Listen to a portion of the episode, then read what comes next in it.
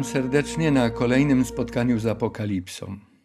Wielu z nas chciałoby wiedzieć dokładnie, jak przebiegać będą wydarzenia w samej końcówce historii Ziemi, prawda?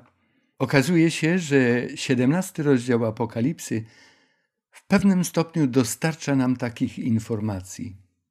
Pozostaje jednak pytanie, czy jesteśmy w stanie zrozumieć je tak, aby osobiście móc z nich skorzystać dla naszego duchowego wzrostu. Kolejny raz uświadamiamy sobie, że ten rozdział wcale nie jest łatwiejszy do zrozumienia niż inne miejsca tej księgi. Myślę, że dobrze będzie, gdy i tym razem zaprosimy Boga, aby był z nami i darował nam też szczególną swoją mądrość. Panie Boże, pochylamy się nad niezwykle trudnym materiałem. Wiemy już z osobistych doświadczeń, jak na przestrzeni czasu stopniowo otwierałeś nam umysły na zrozumienie treści tej Twojej księgi. Ale im więcej niby rozumiemy, tym bardziej zdajemy sobie sprawę z faktu, że przed nami jest jeszcze tak wiele do poznania. Proszę, niech również to nasze spotkanie przyczyni się do procesu ciągłego poznawania Ciebie, do wzrostu znajomości Twoich planów, do naszego duchowego rozwoju. Bądź Ojcze z nami także dzisiaj. W imieniu Pana Jezusa Chrystusa o to prosimy. Niech tak się stanie. Amen. Dzisiejsze spotkanie, na którym czytać będziemy 17 rozdział Księgi Objawienia, nazwałem Wszeteczny Babilon i zmartwychwstałe zwierzę. W 17 rozdziale Apokalipsy znajdujemy opisy wizji wydarzeń, jakie następować będą w czasie Armagedonu, co już w zarysie zostało nam ukazane w szesnastym rozdziale tej księgi, w wierszach od 12 do 21. Tam zostały opisane dwie ostatnie plagi, szósta i siódma.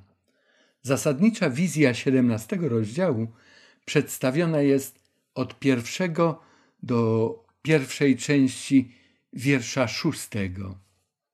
Ten szósty wiersz kończy się bowiem reakcją proroka na to, co w widzeniu zobaczył. Od wiersza siódmego do osiemnastego, czyli do końca rozdziału, spotykamy się z wyjaśnieniami towarzyszącymi Janowi, gdy anioł przyszedł, aby mu wytłumaczyć, co oznacza wizja, jaką otrzymał apostoł możemy zauważyć, że po tych wyjaśnieniach anioła być może jeszcze mniej będziemy rozumieć tę wizję niż na początku, przed wyjaśnieniami. Czasem tak jest, że niektóre wyjaśnienia zdają się jak gdyby mgłą okrywać to, co zdawało nam się już wyraźne. Ale bądźmy cierpliwi. Bóg nam to wszystko objaśni. Dzisiaj chcemy jednak zapoznać się z siedemnastym rozdziałem w całości. Będziemy czytać każdy wiersz, zastanawiając się nad zawartą w nim treścią. Rozpocznijmy więc od przeczytania pierwszego tekstu z siedemnastego rozdziału Apokalipsy. I przyszedł jeden z siedmiu aniołów, mających siedem czasz, i tak się do mnie odezwał. Chodź, pokażę ci sąd nad wielką wszetecznicą, która rozsiadła się nad wielu wodami. Jeden z siedmiu aniołów, czyli nadal poruszamy się w obrębie plag.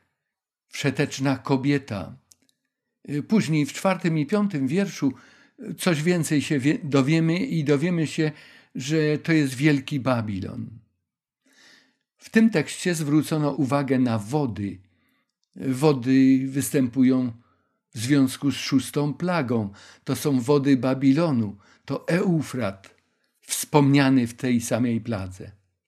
Eufrat stanowił oparcie militarne, polityczne, gospodarcze, a w czasie końca rządzi światem. To jest ta koalicja ludzi wspierających ową niewiastę, ów Babilon. Wszeteczny Babilon to fałszywa trójca także. Wiemy to ze studium trzynastego rozdziału. Ta trójca to smok, zwierzę i fałszywy prorok. Od tej pory już nazywane tak, bo w trzynastym rozdziale występował pod mianem zwierzę z ziemi. Jest to konfederacja denominacji religijnych tego świata. Te dwie moce, Babilon i te wody, występują razem przeciwko Bogu i Jego ludowi. Tak jest do samego końca historii. Na tej ilustracji widzimy wody Babilonu. To jest ta wijąca się po przekątnej tego planu miasta rzeki. To jest Eufrat. Eufrat z jednej strony zabezpieczał starożytny Babilon, ale także przyczyniał się do jego urodzaju, dostatku, dostarczał żywność, był środkiem transportu. Eufrat dla Babilonu był tym, czym dla Egiptu był Nil. Objawienie zapowiada istnienie w czasach końca również Babilonu, tym razem Babilonu duchowego, a to oznacza upadłe chrześcijaństwo.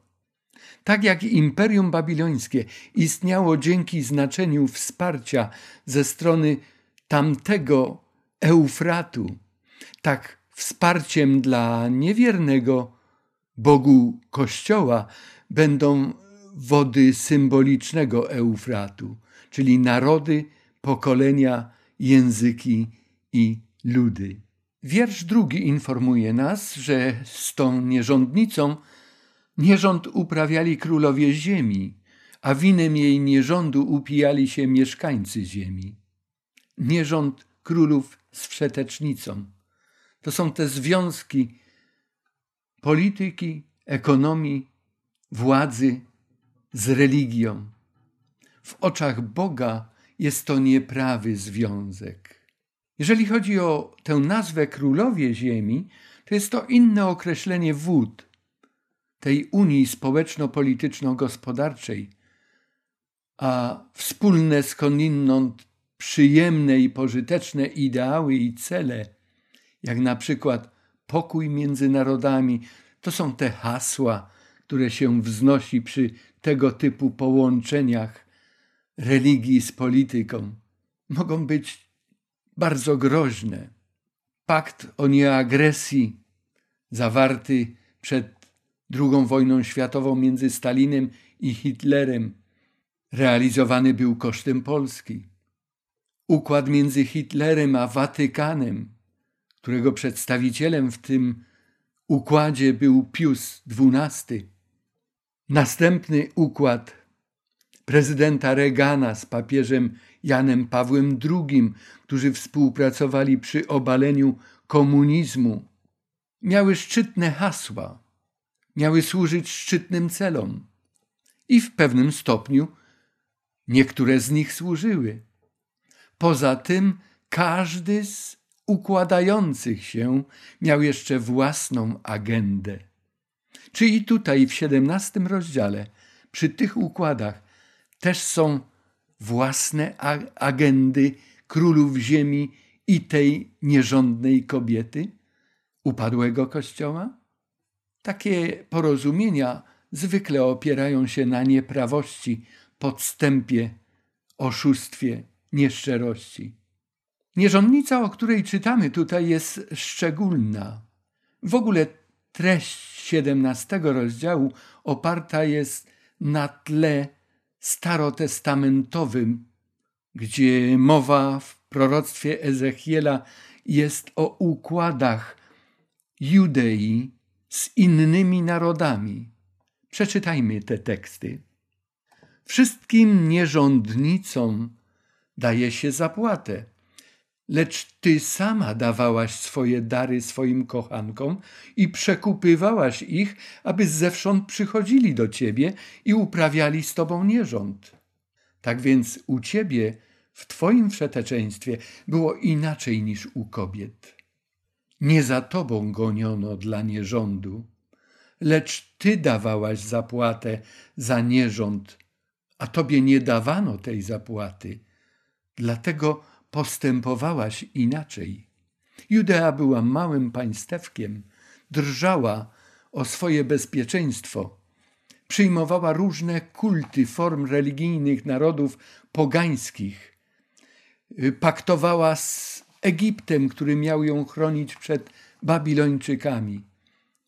I nic takiego się nie stało, a ona sama ta kraina poszła do niewoli babilońskiej. Czy zachowania tych koalicjantów, o których mowa w XVII rozdziale, podobnie się skończą? Nierząd i umizgi wszetecznicy dają jej kontrolę nad ziemią, wsparcie i ochronę ze strony królów ziemi. Ale osiemnasty rozdział opisuje, jak wielkie były korzyści dla obydwu stron i jak wielki był żal, gdy one wszystkie zostały utracone. Mowa jest też o winie nierządu pomiędzy tą niewiastą, tym kościołem, religią, a państwem. Winem jej nierządu upijali się mieszkańcy ziemi, czyli zwykli ludzie. To wino rozpusty jest produktem nieprawego związku religii, polityki i pieniądza, które zawsze najbardziej niszczy zwykłych ludzi. Zresztą taki jest cel, a także zamiary nieprawnych możnowładców, którzy wchodzą w tego typu koalicje. Nie liczą się z narodem. Najlepiej ich upić, podać im trunki, które doprowadzą do ich ogłupienia. Wtedy łatwo ich sobie podporządkować. O to przecież chodzi. I tak to działa. Lubieżność i pijaństwo mają coś wspólnego. W obydwu tych przypadkach trudno jest o rozsądek, a łatwo o rozluźnienie i obietnice, decyzje, które nie mają pokrycia obu stanach człowiek nie jest zdolny do trzeźwego, rozsądnego myślenia, natomiast jest skłonny do zawierania nowych i coraz to nowych znajomości i składania obietnic bez pokrycia, do podejmowania złych decyzji. Tutaj jesteśmy w atmosferze Armagedonu. Armagedon to walka o ludzki umysł. W ostatnich dniach historii większość ludzi nie będzie w stanie trzeźwo myśleć, a nawet rozumieć, o co w ogóle chodzi w tym powiązaniu świata religijnego z polityką. W tych państwach wyznaniowych ludzie podejmują decyzje bez myślenia o konsekwencjach takich decyzji. Porządliwość i stan upojenia jednak nie są długotrwałe. Przychodzi czas otrzeźwienia i przerażenia, oby nie było za późno na naprawienie tego, co już zostało zepsute. Pojawia się moralny kac, wyrzut, szczególnie kiedy podjęte zostały jakieś niewłaściwe decyzje. Takie podłoże nie jest dobrym fundamentem także dla trwałości porozumień i zawieranych związków. Zawarte ugody i złożone obietnice, złożone pod wpływem porządliwości i alkoholu, choć wydawały się tak obiecujące, mają bardzo krótki żywot. Tak dzieje się w każdej sprawie, na każdej płaszczyźnie życia. Dowiadujemy się, że ta cudzołożna kobieta jest na pustyni. Czy chodzi o ten czas po zadaniu rany śmiertelnej, o którym czytaliśmy w trzynastym rozdziale wierszu trzecim? Rzecz charakterystyczna, że niewiasta czysta też była na pustyni. Czy chodzi tutaj o tę samą niewiastę, która kiedyś uciekała od węża i ona stała się wszeteczną niewiastą? Nie, to są dwie różne niewiasty.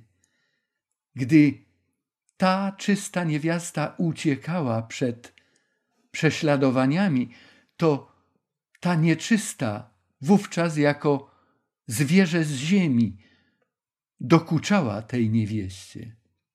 Jan był zdumiony tym, co zobaczył. Czytamy o tym w wierszu szóstym. Przypatrzmy się i my bliżej otoczeniu i życiu tej niewiasty z rozdziału siedemnastego. Siedzi nad wodami. Wiemy, że to są ludy, narody, plemiona i języki. To o tym wiersz piętnasty nas przekonuje. Uprawia nierząd z królami ziemi. Siedzi na czerwonym jak szkarłat zwierzęciu. Z tego wiersza, co mamy na ekranie, dowiedzieliśmy się to Babilon. To upadłe chrześcijaństwo w jego ostatniej odsłonie.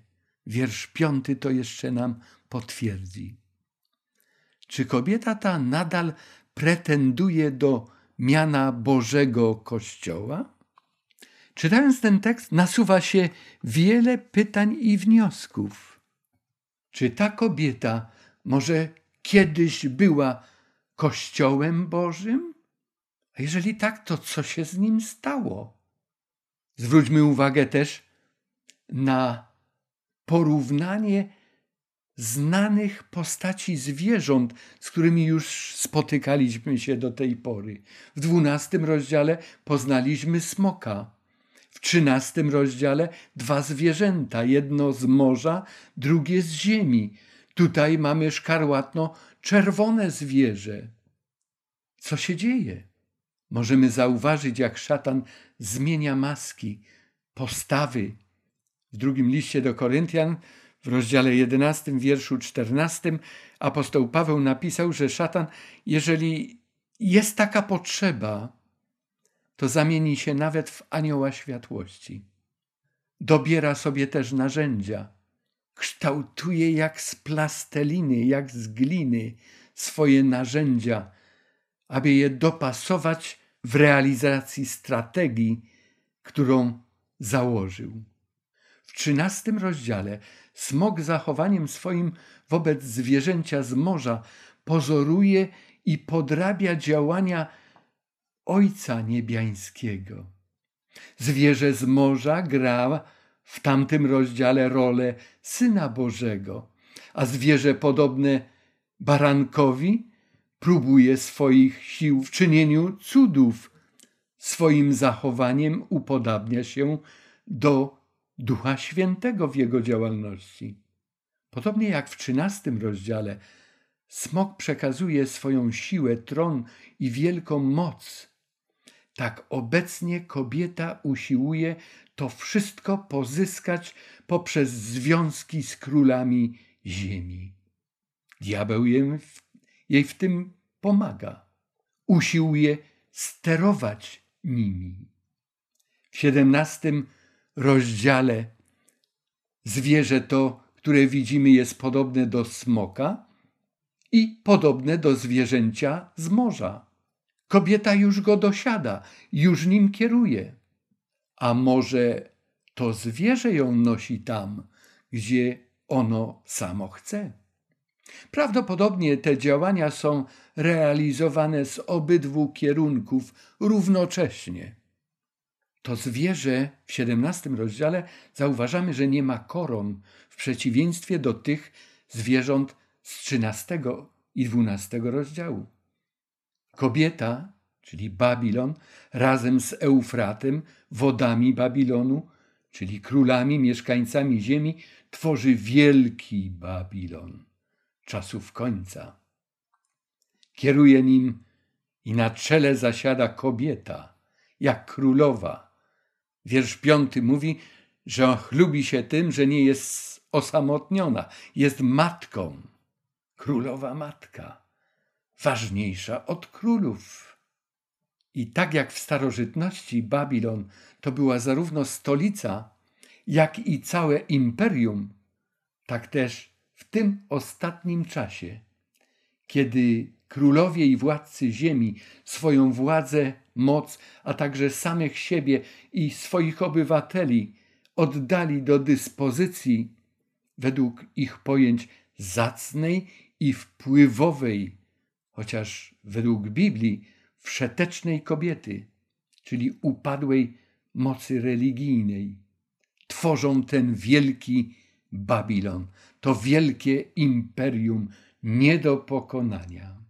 Ta ilustracja przedstawia nam dwie kobiety, obydwie na pustyni. Jedna, aby zachować czystość, szlachetność, mimo że musi znosić prześladowania. To jest wierna Bogu. Ta druga jest wszeteczna, podstępna, władcza. Ona też ma swoją pustynię, o której czytaliśmy.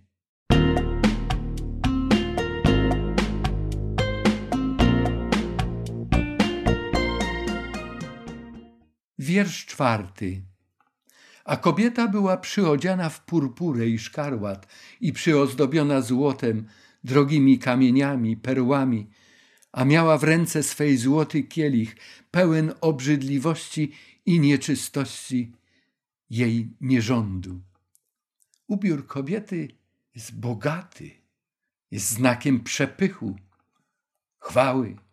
Gdy spojrzymy na to poprzez pryzmat Pisma Świętego, to ten ubiór kobiety przypomina też szaty arcykapłana w świątyni ziemskiej. Teksty na ekranie mówią nam o tym, co jest przedstawione na ekranie w pełnym tekście.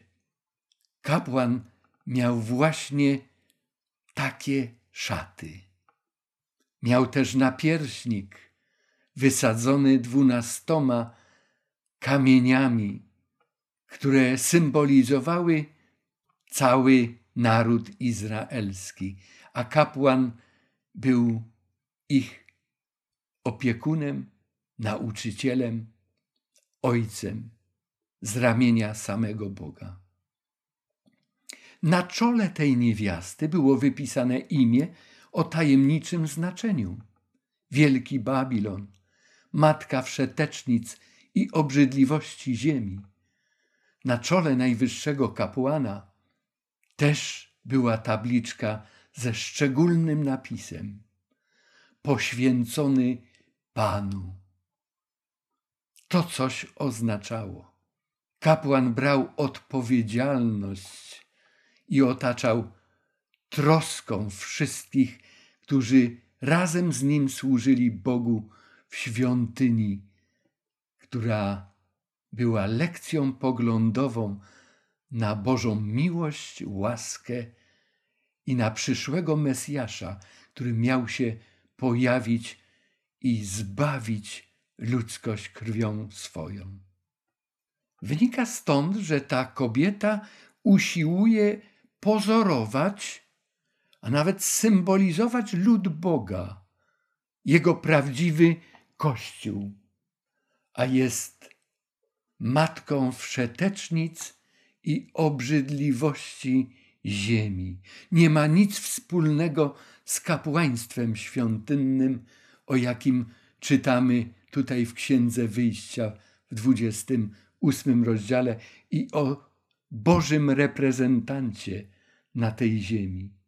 Ta matka jest matką swoich dzieci, swoich córek, innych kościołów, które wychowały się na jej piersi, mówiąc obrazowo, inaczej karmione były jej naukami, dogmatami, przykazaniami i chociaż niejednokrotnie nie zgadzają się z matką, to jednak żyją według wzorca, który został im wpojony. Zwróćmy uwagę na jeden szczegół w tym względzie. Kościół zmienił święcenie soboty na święcenie niedzieli. Tym samym naruszył przykazanie Boga odnośnie świętości dnia szabatu. Pogański dzień dies solis, dzień słońca, stał się dniem chrześcijańskim, zaakceptowanym przez papiestwo zamiast Bożego szabatu.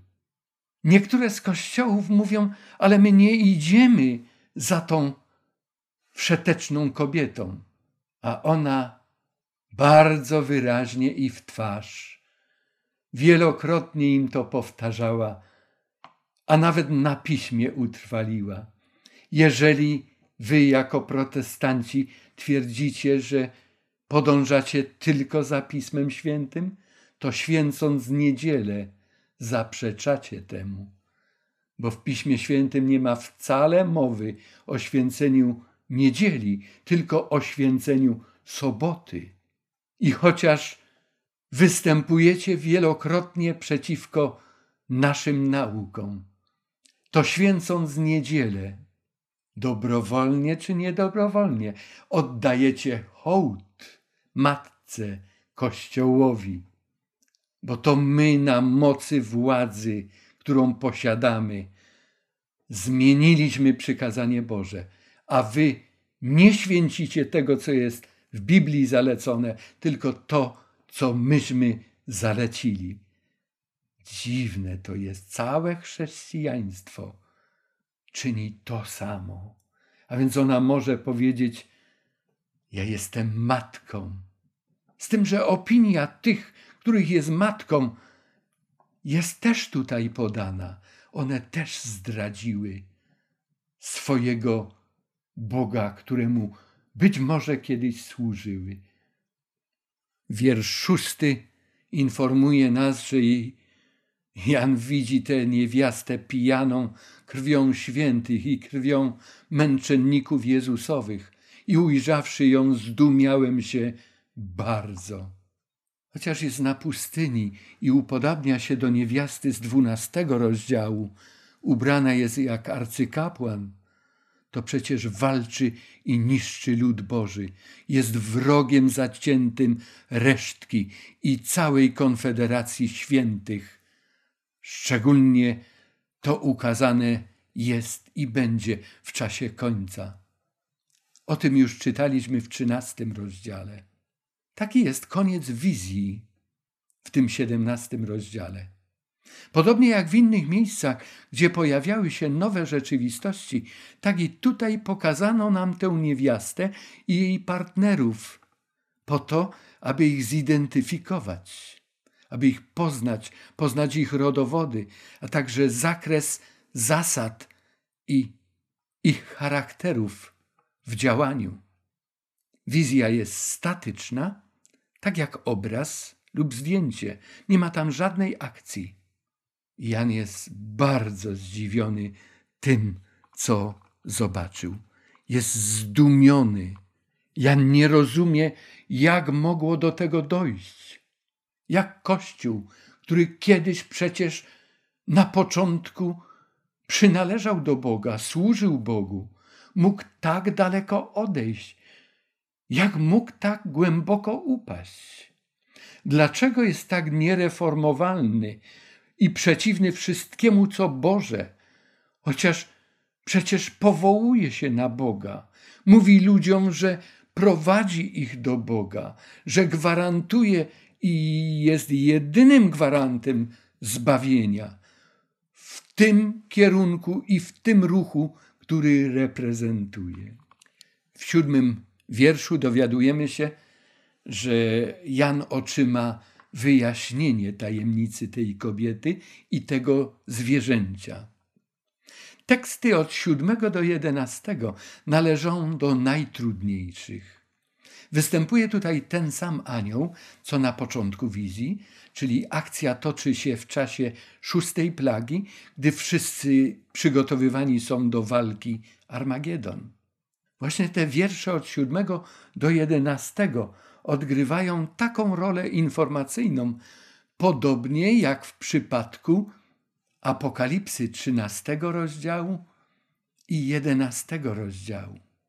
Teksty mamy na ekranie, sprawdźmy je Przypomnijmy sobie, o czym tam mowa. Niewiasta dosiada tutaj zwierzę. Dosiada go jak rumaka, ale czy sobie z nim poradzi? Jak? Na krótko przed końcem religijna moc kontroluje na ziemi życie poprzez poczynania polityczne, społeczne, gospodarcze i religijne w odniesieniu do jej mieszkańców. Sytuacja, jaką, z jaką tu mamy do czynienia, jest podobna do doświadczeń, kiedy władza religijna i polityczna skupione były w jednej ręce, w jednej dłoni. Przypomnijmy sobie Dolinę Dura w Babilonii, rozdział trzeci, gdzie Nebukadnezar nie jako władca i króli, ale jako obrońca religii babilońskiej i kultu bożków babilońskich wrzuca do pieca rozpalonego trzech młodych Hebrajczyków, którzy kłaniali się tylko prawdziwemu Bogu. Taki system istniał nie tylko w Babilonii, istniał również w średniowieczu. Papiestwo odgrywało wtedy największą rolę i na usługach papiestwa byli monarchowie i władza polityczna i wojsko. Siedemnasty rozdział przedstawia ten czas, kiedy to duchowy Babilon, dysponując mocami politycznymi, będzie narzucał swoje pomysły na zwalczenie ludu Bożego i nawet wyeliminowanie go z tej ziemi. Przeczytajmy wiersz ósmy. Zwierzę, które widziałeś, było i już go nie ma, i znowu wyjdzie z otchłani i pójdzie na zatracenie. I zdumieją się mieszkańcy ziemi, których imiona nie są zapisane w księdze żywota od założenia świata, gdy ujrzą, że zwierzę to było i że go nie ma i że znowu będzie. O co tutaj chodzi? Podobne zwroty znajdowaliśmy już w pierwszym rozdziale Apokalipsy, wiersz czwarty, ósmy. Jest, był, ma przyjść. Odnosiło się to tam do Boga. Taka religijno-polityczna unia religii i polityki istniała też już w przeszłości. Drugi rozdział Daniela przepowiada system, który istniał kiedyś w Babilonii, mówi o tym, jak będzie w Persji, jak będzie w Grecji, w Rzymie. Taki system Europa poznała także w średniowieczu. Ta forma współdziałania religii i polityki, czyli państwa wyznaniowego, jest jeszcze przed nami. Ona istniała, przestała istnieć, nie było jej przez pewien czas i ma się znowu pojawić. Nie zapomnijmy, jesteśmy właśnie tutaj w obrębie przygotowania do Armagedonu. Jak się pojawi, będzie to w wymiarze ogólnoświatowym i będzie to tuż przed końcem historii tej ziemi. Żyjemy w czasie, kiedy taki system związku Kościoła i państwa jest znowu dyskutowany jako alternatywa dla Europy, a najlepiej dla całej Ziemi. Mówi się o nowym porządku świata. Różnie jest oceniana ta ideologia. Podstawowe pytanie, a kto miałby stanąć na czele tego nowego porządku? Już się upatruje największych moralnych autorytetów. Jan jest zdumiony, gdy spogląda na kobietę, a teraz czytamy, że mieszkańcy ziemi są zdumieni tym, że zwierzę, którego nie ma, znowu się pojawi. W tekście tym czytamy również o księdze żywota.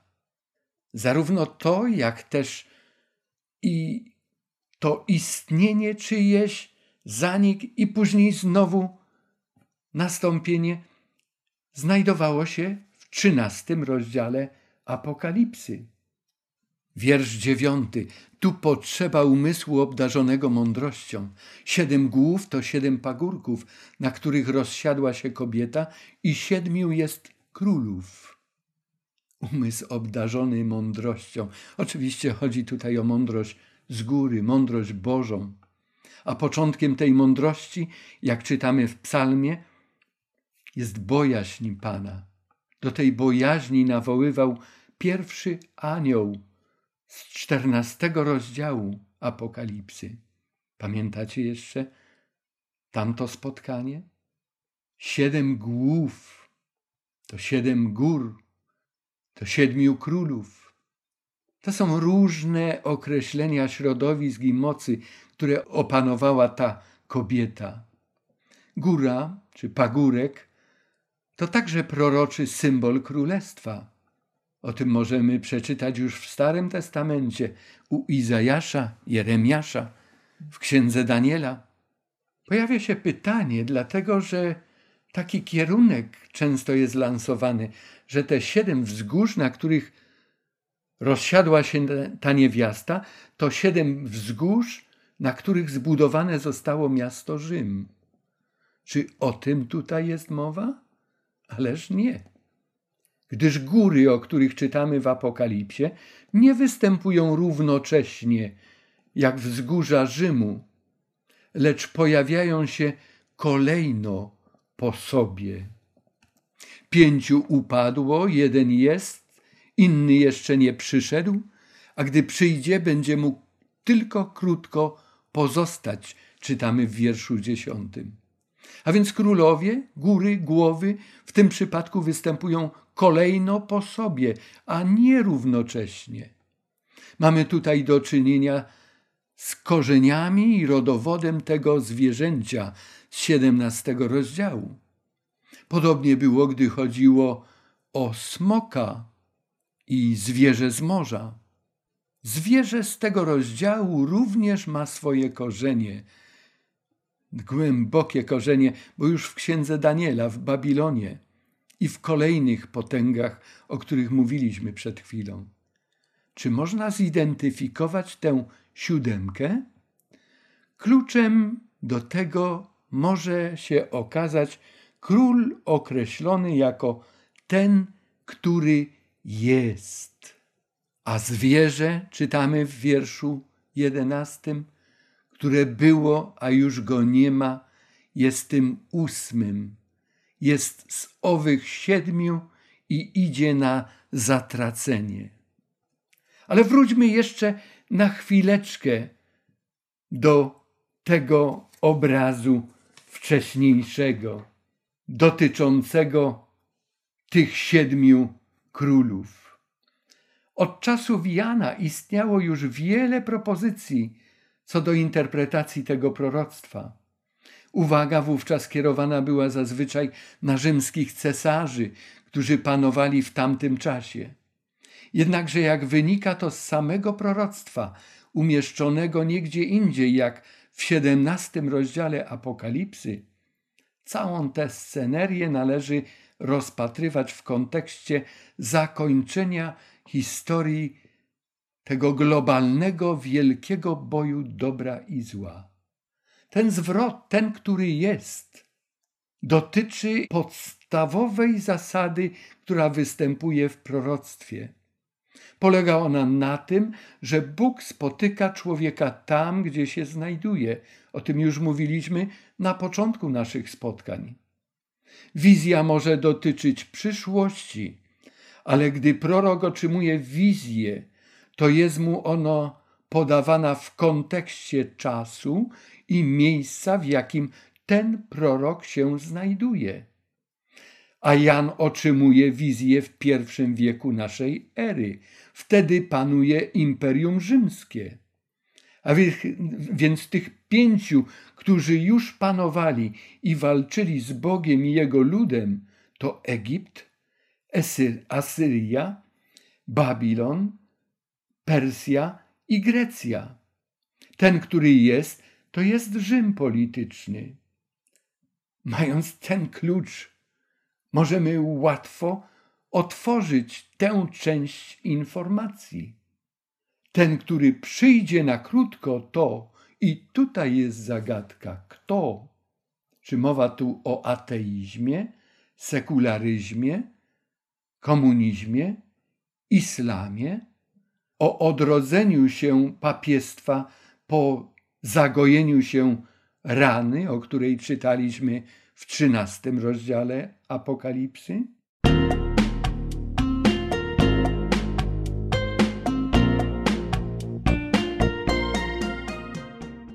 Wracamy do wiersza jedenastego, do tego tajemniczego ósmego. Jest to moc, która pojawi się dopiero w przyszłości. Wywodzi się z poprzednich siedmiu, ale z którego? A może po trosze ze wszystkich? Czytaliśmy, że jest z tych siedmiu. Ósmy jednakże zachowuje swoją odrębność, zarówno w czasie, jak i w działaniu. Ósmy, czyli zwierzę, czy chodzi w tym przypadku o koalicję wszystkich królów, ludów, czyli wód Eufratu? To, co pewnie jest powiedziane w tym tekście na końcu, jest to, że ten ósmy idzie na zatracenie. A zatracenie to unicestwienie. Temu zagadnieniu ósmego poświęcimy, drodzy słuchacze, całe nasze kolejne spotkanie.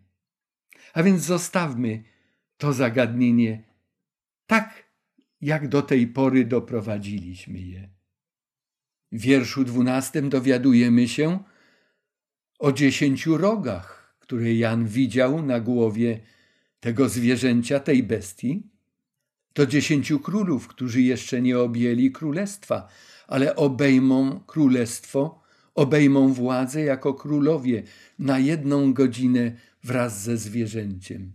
Mieliśmy już królów od wschodu słońca, królów ziemi, siedmiu królów, ósmego, a teraz poznajemy dziesięciu nowych królów, którzy jeszcze nie przejęli władzy. Kim oni są? Czym się charakteryzują?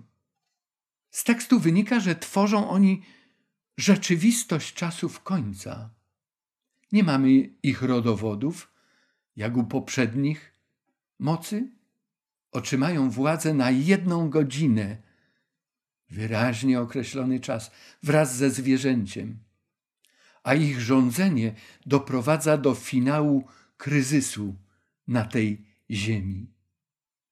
Y, jeżeli chodzi o jedną godzinę, to zagadnienie również omówimy szerzej w naszym następnym spotkaniu. Czy tych dziesięciu królów ma jakiś związek z nowo powstającymi mocami, siłami, ruchami na tej ziemi? Czy przypadkiem nie chodzi tutaj o wojujący islam? Pytają niektórzy. Taki obraz może być wzięty pod uwagę, bo nie da się go wykluczyć, patrząc na te poczynania, których jesteśmy świadkami, a także wysiłki papieskie w stronę zawarcia porozumienia z islamem. Spotkaliśmy się już z dziesięcioma królami, którzy zaistnieli w Europie po rozpadzie Imperium Rzymskiego. Ale to nie o nich jest mowa, bo tamto stało się w VI, V, VI wieku, a tutaj jesteśmy w końcówce historii. Mam jeszcze jedną informację na temat dziesięciu królów w wierszu trzynastym. Ci są jednej myśli i oddadzą moc i władzę swoją zwierzęciu. A więc jest to jakiś końcowy ruch grup przygotowywany przez szatana na czas ostatniej rozgrywki sił zła z Bogiem i jego ludem. Ale kto to jest? Jakaś specjalna brygada antyterrorystyczna czy terrorystyczna? Absolwenci kościelnych szkół inkwizycyjnych, które istnieją jeszcze dzisiaj, nawet w Polsce Jedna z nich zmieniła nazwę pod wpływem niepokojących głosów w internecie. Ale szkoła jako taka istnieje. Czy to ideologowie i zwolennicy odstępczych nauk religijnych, może religii wschodu, fanatycy religijni i inni o podobnym zaślepieniu, a może kryminaliści wypuszczeni na wolność, samobójcy? Ich zadaniem będzie wkroczenie w ostatniej chwili na pierwszy front walki po stronie błędu i nieprawości. Boga będą zwalczać i jego lud. To proroctwo jeszcze się nie wypełniło. Może jest już w czasie wypełnienia, w toku. Nie galopujmy zatem, obserwujmy natomiast bacznie to, co się dzieje na ziemi.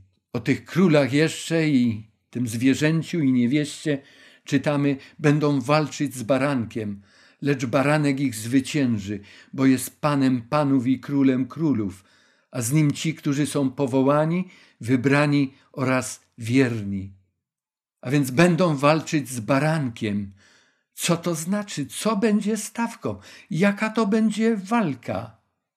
Walka ideologiczna walka o nauki i starcie się przykazań ludzkich z przykazaniami Boga, fałszywych cudów z cudami i cudownym działaniem Boga. Będzie to walka spirytyzmu przeciwko prawdzie o śmierci i o stanie umarłych.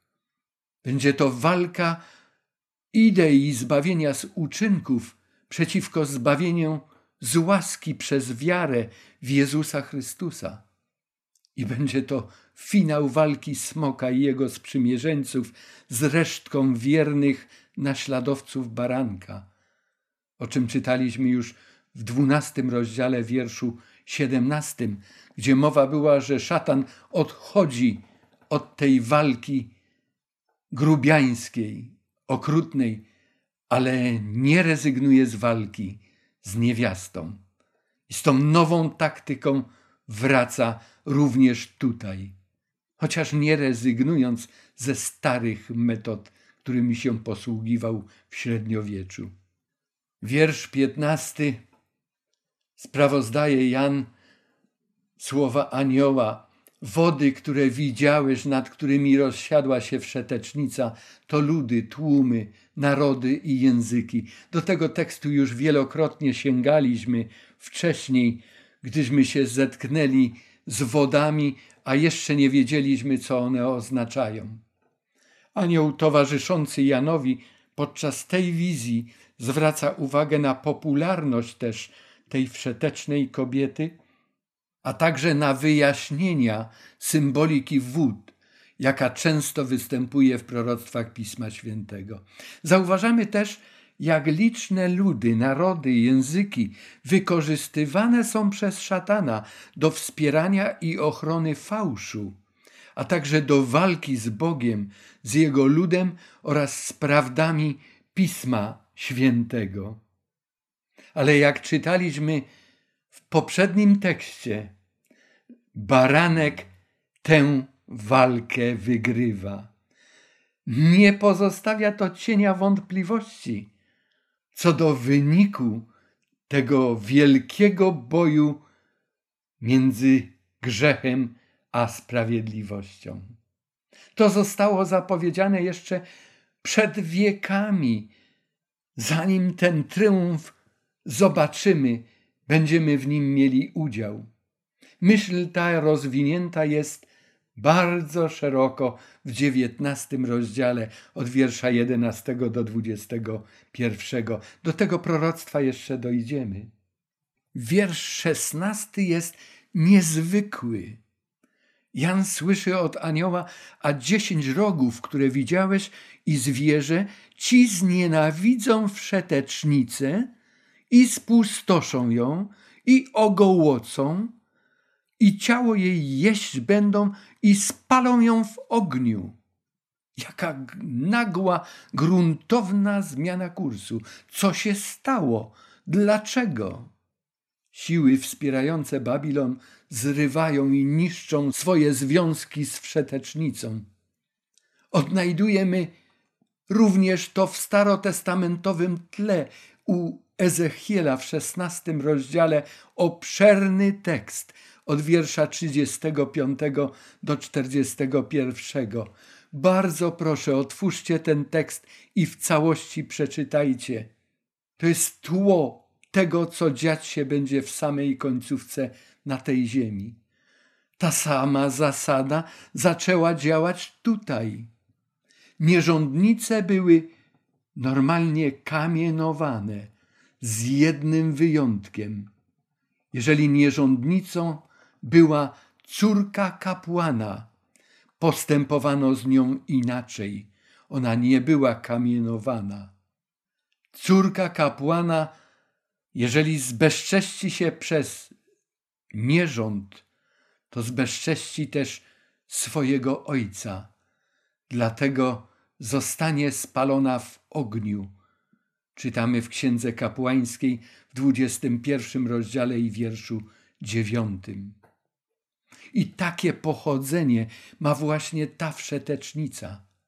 I chociaż usiłowała wmówić światu, że wciąż jest oblubienicą Chrystusa, to prawda jest inna. Ona zdradziła Jezusa Chrystusa i Boga jako swojego małżonka. I ci ludzie, którzy ją wspierali, dowiadują się o tym i widzą jej niecne poczynania. W samym końcu i ci, którzy ją wspierali, ci ją niszczą. Eufrat wysycha, nie ma wsparcia, ale jest droga dla królów od wschodu słońca. Wielokrotnie ci, którzy pożądali i realizowali nieprawe związki, zwykle nienawidzili te kobiety, na których kiedyś bardzo im zależało. Jeden taki przypadek między Amonem i Tamarą, jaki zaistniał, opisany jest w drugiej księdze Samuelowej w trzynastym rozdziale, w pierwszych dziewiętnastu tekstach.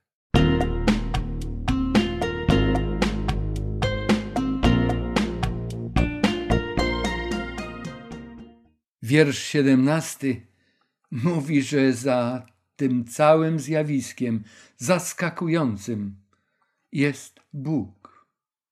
Bóg bowiem natchnął serca ich, aby wykonali Jego postanowienie i by działali jednomyślnie i oddali swoją władzę królewską zwierzęciu, aż się wypełnią wyroki Boże.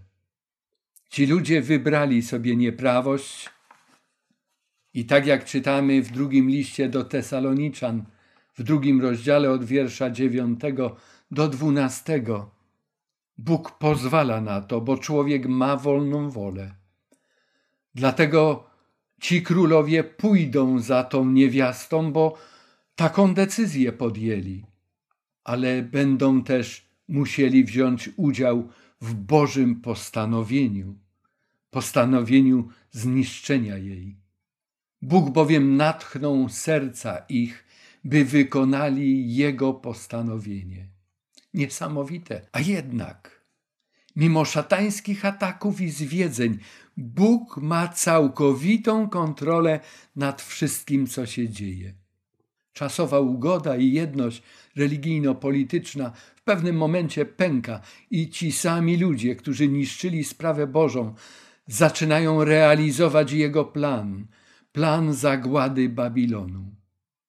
Powtórzmy coś, o czym już wspomniałem wcześniej. Otwórzmy drugi rozdział drugiego listu do Tesaloniczan i przeczytajmy tam aż do wiersza dwunastego. Czas nam nie pozwala, abyśmy to zrobili tutaj podczas tego programu, ale proszę, drogi słuchaczu, zrób to, koniecznie to zrób.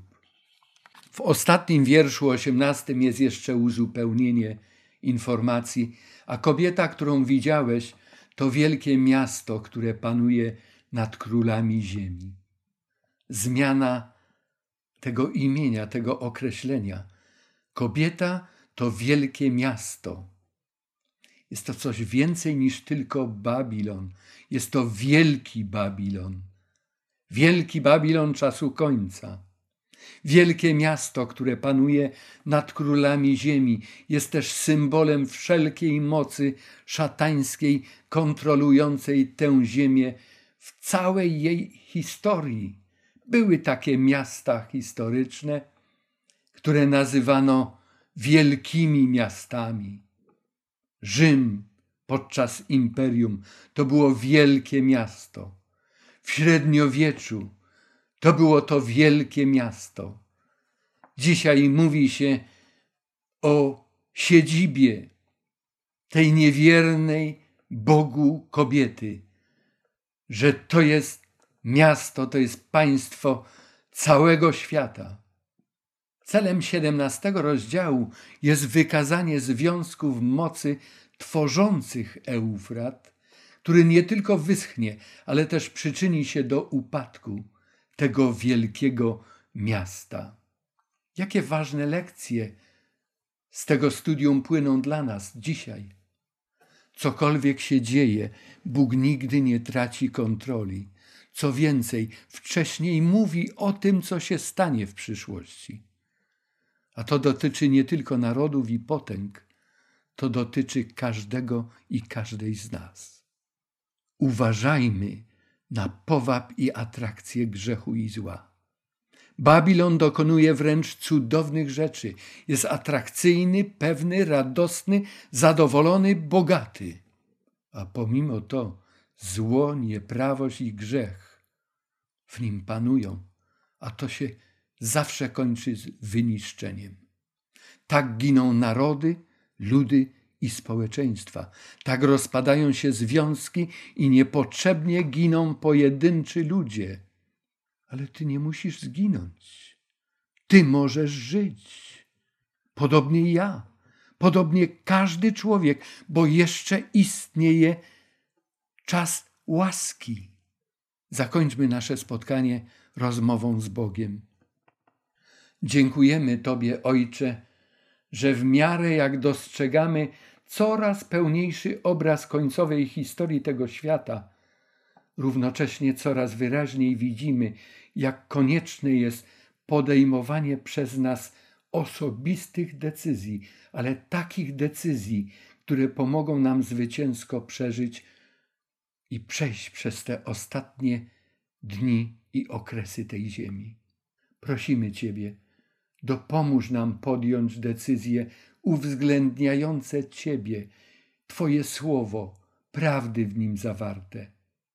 Daj, aby one dominowały w naszych życiowych planach. Prosimy o to w imieniu naszego Zbawiciela, Jezusa Chrystusa. Proszę o to dla siebie, proszę o to dla każdego z moich słuchaczy. Amen.